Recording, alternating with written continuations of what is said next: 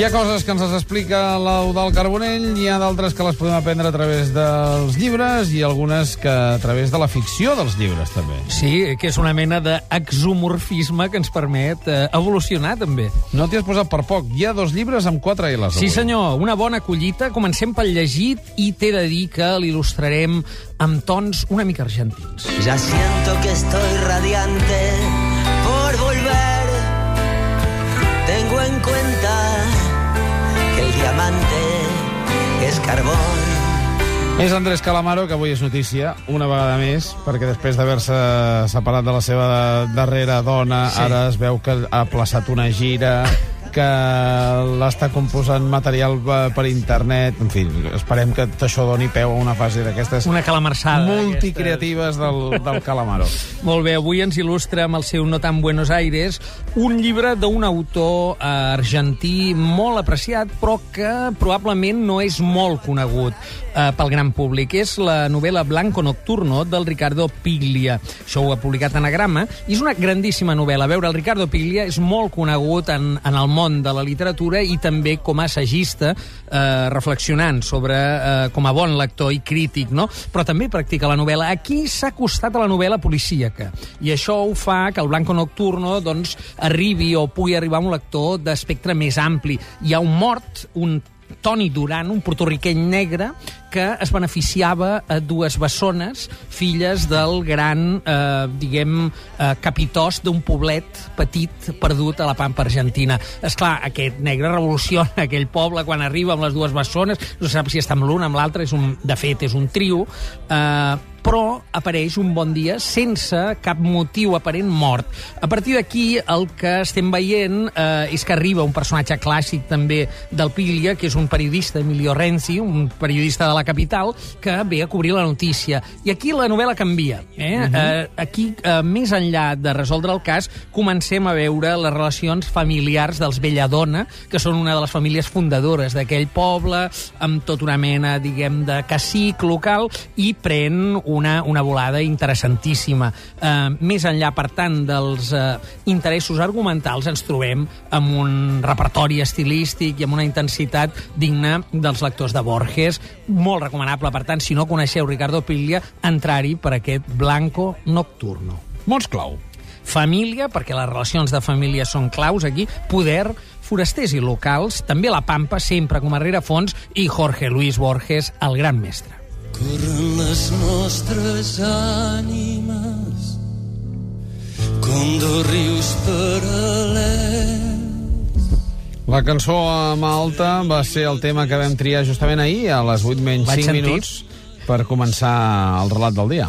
I la cançó que van triar els Amics de les Arts per cloure el seu concert, diguem, Sí, no? aquesta nova versió. Uh, bé, jo he de dir que ja havia triat aquesta cançó per il·lustrar un llibre de l'autor dels Poema Malta, de Màrius Torres, però és un llibre, uh, darrerament aquest poeta lleidatà està molt reivindicat, aquest és un llibre molt especial, es diu Les coses tal com són, és un llibre a cura de Jordi Julià i Pere Ballart, dos professors universitaris, ho edita a contravent, però això és el que tècnicament se'n diu un reader, és a dir, aquests eh, mm, dos professors han triat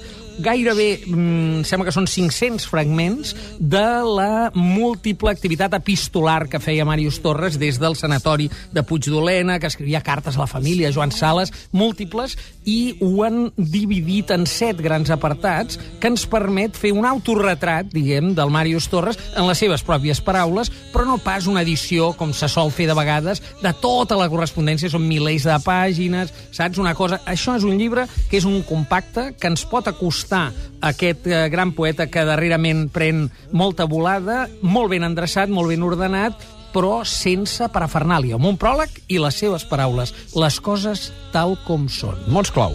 Aquí tenim pensament, vida, filosofia, per tant, també, però literatura, poesia, Màrius Torres, ponent. 932017474. Després de les 11, si teniu algun dubte, algun llibre que no teniu clar, vull recomanar-li a una persona que és d'aquesta manera un llibre i no sé quin és.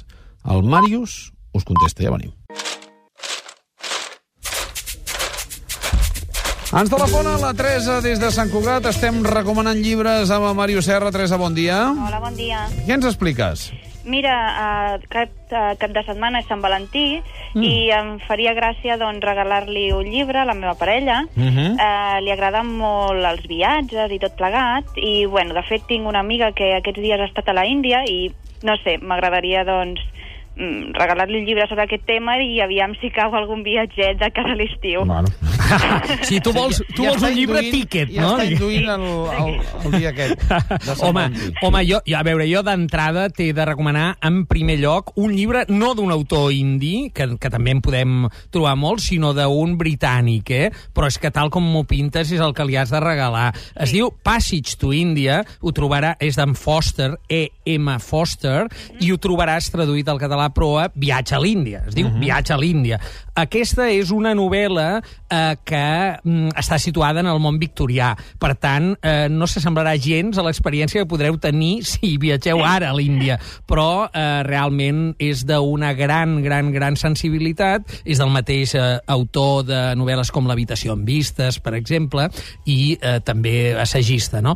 Eh, per tant, Foster, viatge a l'Índia i quedes segur que quedes a mar de bé. Òbviament, tenim molts eh, autors indis contemporanis que, cada, que escriuen en anglès habitualment i per això són eh, molt coneguts eh, a nivell planetari. Jo el meu preferit potser és Vikram Seth, eh, S-E-T-H, eh, que són novel·les de grans sagues familiars sempre situades a, a, la, a la Índia, no? També hi ha Arindanat Roy, aquesta autora, però aquesta està molt més occ- occidentalitzada, escriu, crec, ja des de, des de França, i per tant eh, Vikram Set, més enllà del mestre Foster, serien les meves recomanacions. Gràcies per trucar, Teresa. A vosaltres. I una abraçada a tots els enamorats i enamorades eh, que poden celebrar el seu dia amb diverses dates de l'any. Uh, sí, això, no, no hi ha un dia per això. De fet, Sant Valentí, escolta'm...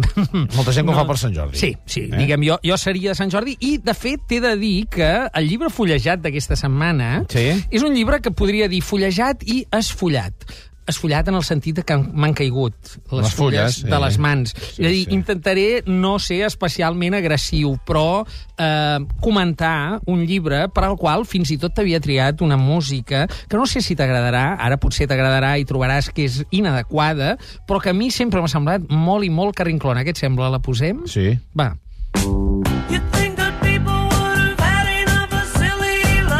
Estem d'acord, eh? En general, Tot Pol, sí, diguem. no anem bé.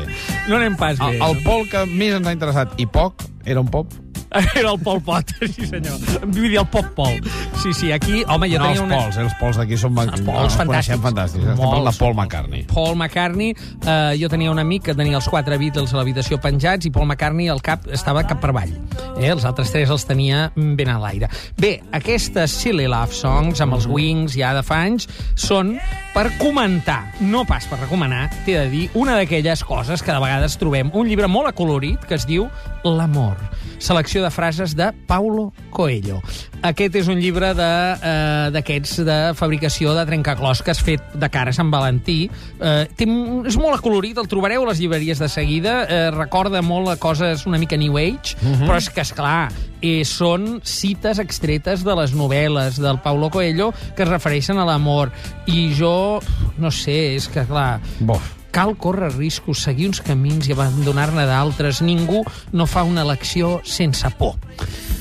Bé, eh, jo no la faig, l'elecció, en tot 9 cas... 3 2 0 7 4 7 4 Hi ha alguns oients que es volen posar en contacte amb en Màrius i que els hi recomanis algun llibre. La Olga, per exemple, ens escriu per internet, diu Màrius, aquí pot agradar el secret del meu turban a un businessman A un businessman? Gràcies. Carai, a veure, El secret del meu turban és aquesta novel·la que parteix de fets la reals història, que... va venir aquí a explicar-nos tenir- la- la- l'autora i la...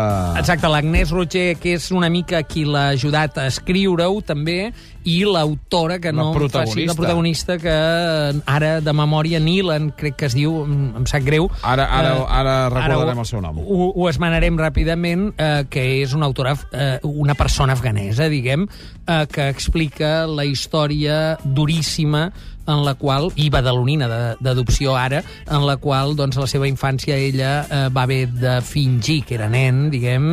La Nàdia Gulam. Nàdia Gulam. Eh, Gràcies, Disculpeu, Charlie. moltes gràcies, Nàdia Gulam.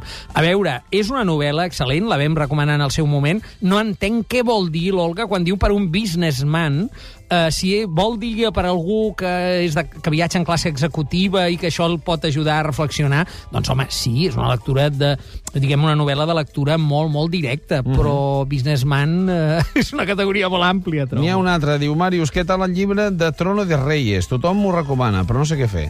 Jo encara no he llegit Trono de Reyes, un d'aquests eh, bestsellers, eh, diguem, que apareixen eh, a la mateix nivell que la Maria Dueñas, que ara està també arrasant en un determinat tipus de, de lectors, eh, i per tant no, no te'n puc parlar amb coneixement de causa, però sí que està arribant a molt de públic. Màrius, moltíssimes gràcies. Molt bé, Eh, és una secció que ve molt linkada amb el que tenim a continuació, perquè ara que el llibre electrònic també a poc a poc va fent el seu camí, nosaltres obrim les pantalles domèstiques. perfecte. Ja venim.